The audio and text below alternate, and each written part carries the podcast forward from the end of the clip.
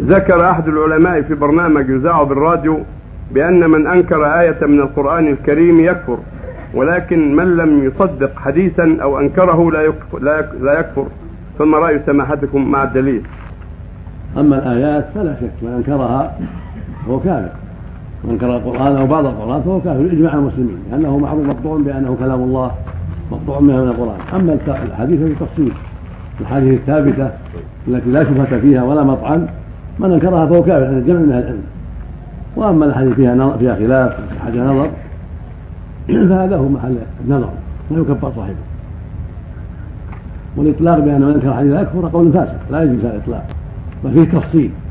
من أنكر الأحاديث الصحيحة المعروفة عن النبي صلى الله عليه وسلم فهذا كافر.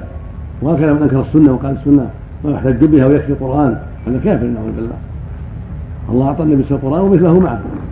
لكن بعض الأحاديث التي فيها اشكال فيها شبهه لعدم استقامة أسانيدها أو ل- في بعض الاسانيد نظر أو جرحا أو كذا هذا هو محل النظر.